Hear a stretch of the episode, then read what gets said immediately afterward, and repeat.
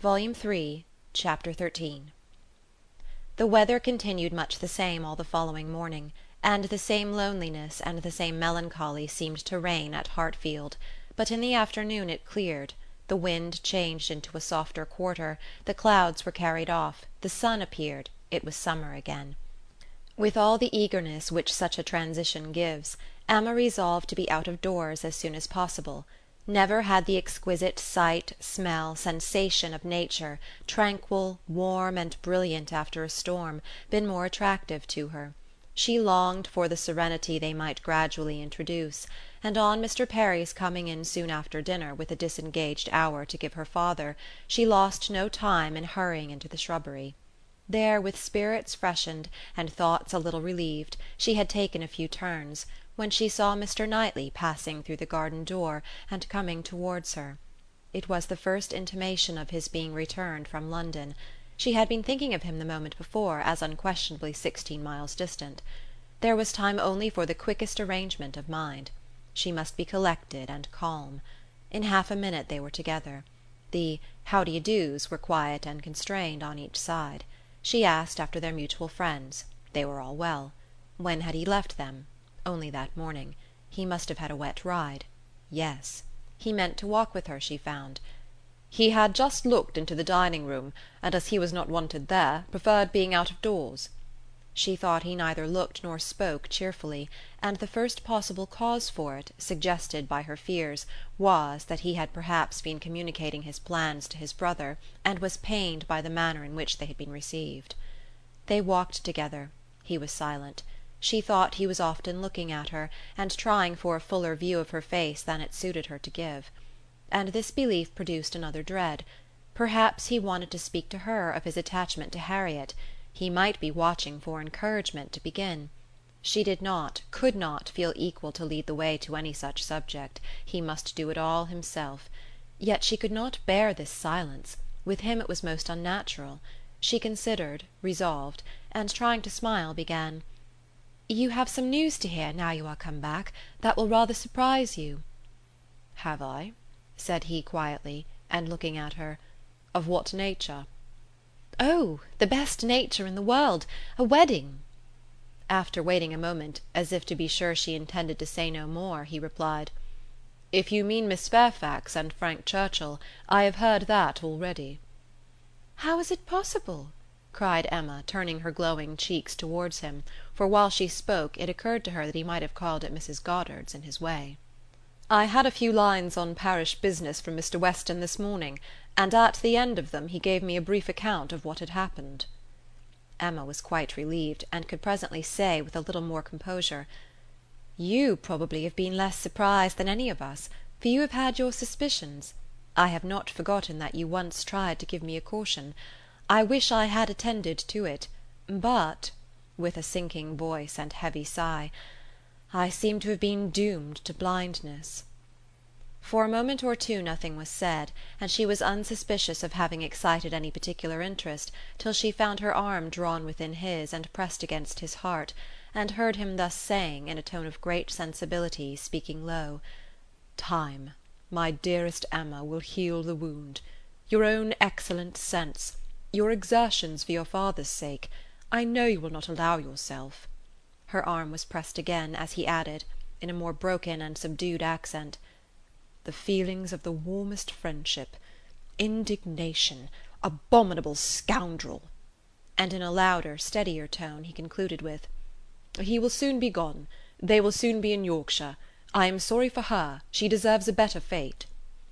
Emma understood him, and as soon as she could recover from the flutter of pleasure excited by such tender consideration, replied: "You are very kind, but you are mistaken, and I must set you right. I am not in want of that sort of compassion. My blindness to what was going on led me to act by them in a way that I must always be ashamed of, and I was very foolishly tempted to say and do many things which may well lay me open to unpleasant conjectures but I have no other reason to regret that I was not in the secret earlier." "Emma!" cried he, looking eagerly at her, "are you indeed?" But checking himself, uh, "No, no, I understand you; forgive me. I am pleased that you can say even so much. He is no object of regret, indeed, and it will not be very long, I hope, before that becomes the acknowledgment of more than your reason. Fortunate that your affections were not farther entangled. I never could, I confess, from your manners, assure myself as to the degree of what you felt. I could only be certain that there was a preference, and a preference which I never believed him to deserve. He is a disgrace to the name of man. And is he to be rewarded with that sweet young woman? Jane, Jane, you will be a miserable creature." "Mr. Knightley," said Emma, trying to be lively, but really confused, "I am in a very extraordinary situation. I cannot let you continue in your error.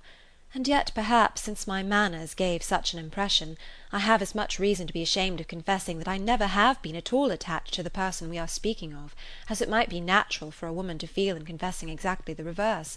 But I never have." He listened in perfect silence; she wished him to speak, but he would not. She supposed she must say more before she were entitled to his clemency; but it was a hard case to be obliged still to lower herself in his opinion. She went on, however. "I have very little to say for my own conduct. I was tempted by his attentions, and allowed myself to appear pleased. An old story, probably, a common case, and no more than has happened to hundreds of my sex before. And yet it may not be the more excusable in one who sets up as I do for understanding. Many circumstances assisted the temptation. He was the son of Mr. Weston; he was continually here; I always found him very pleasant; and in short, for," with a sigh, "let me swell out the causes ever so ingeniously, they all centre in this last. My vanity was flattered, and I allowed his attentions. Latterly, however, for some time indeed, I have had no idea of their meaning anything. I thought them a habit, a trick, nothing that called for seriousness on my side. He has imposed on me, but he has not injured me.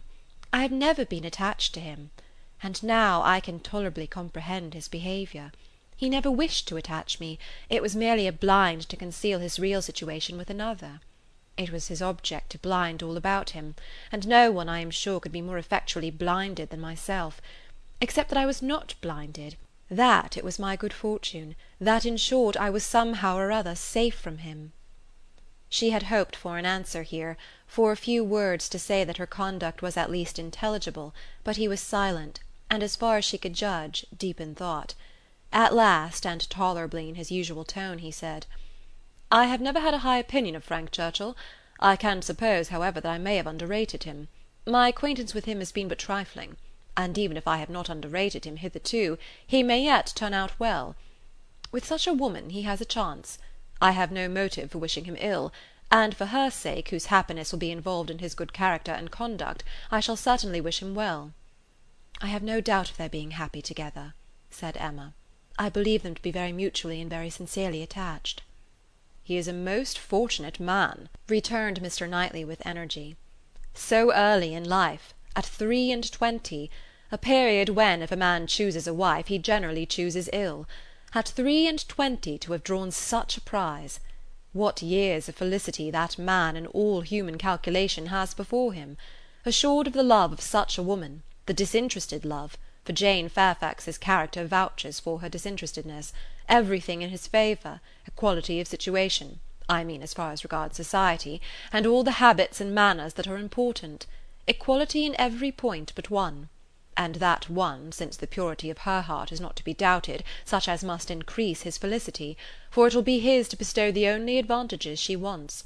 A man would always wish to give a woman a better home than the one he takes her from, and he who can do it where there is no doubt of her regard, must, I think, be the happiest of mortals. Frank Churchill is, indeed, the favourite of fortune. Everything turns out for his good. He meets with a young woman at a watering place, gains her affection, cannot even weary her by negligent treatment, and had he and all his family sought round the world for a perfect wife for him, they could not have found her superior. His aunt is in the way, his aunt dies, he has only to speak. His friends are eager to promote his happiness; he had used everybody ill, and they are all delighted to forgive him. He is a fortunate man indeed." "You speak as if you envied him." "And I do envy him, Emma. In one respect he is the object of my envy." Emma could say no more. They seemed to be within half a sentence of Harriet, and her immediate feeling was to avert the subject if possible. She made her plan. She would speak of something totally different the children in Brunswick Square; and she waited only for breath to begin when Mr. Knightley startled her by saying: "You will not ask me what is the point of envy. You are determined, I see, to have no curiosity. You are wise. But I cannot be wise. Emma, I must tell you what you will not ask, though I may wish it unsaid the next moment." "Oh, then don't speak it, don't speak it!" she eagerly cried. "Take a little time; consider; do not commit yourself." "Thank you," said he in an accent of deep mortification, and not another syllable followed. Emma could not bear to give him pain. He was wishing to confide in her, perhaps to consult her; cost her what it would, she would listen. She might assist his resolution or reconcile him to it. She might give just praise to Harriet, or by representing to him his own independence, relieve him from that state of indecision which must be more intolerable than any alternative to such a mind as his. They had reached the house. "You are going in, I suppose?" said he. "No," replied Emma, quite confirmed by the depressed manner in which he still spoke. "I should like to take another turn. Mr. Perry is not gone." And after proceeding a few steps she added: "I stopped you ungraciously just now, Mr. Knightley, and I am afraid gave you pain. But if you have any wish to speak openly to me as a friend, or to ask my opinion of anything that you may have in contemplation as a friend indeed you may command me. I will hear whatever you like. I will tell you exactly what I think." "As a friend?" repeated Mr. Knightley. "Emma, that, I fear, is a word no, I have no wish stay, yes, why should I hesitate?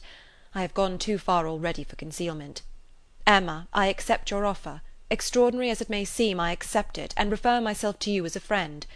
Tell me, then have I no chance of ever succeeding?" He stopped in his earnestness to look the question, and the expression of his eyes overpowered her. "My dearest Emma," said he, "for dearest you will always be, whatever the event of this hour's conversation, my dearest, most beloved Emma, tell me at once, say no if it is to be said." She could really say nothing. "You are silent!" he cried with great animation absolutely silent. At present I ask no more." Emma was almost ready to sink under the agitation of this moment. The dread of being awakened from the happiest dream was perhaps the most prominent feeling. "I cannot make speeches, Emma," he soon resumed, and in a tone of such sincere, decided, intelligible tenderness as was tolerably convincing. "If I loved you less I might be able to talk about it more. But you know what I am. You hear nothing but truth from me. I have blamed you and lectured you, and you have borne it as no other woman in England would have borne it.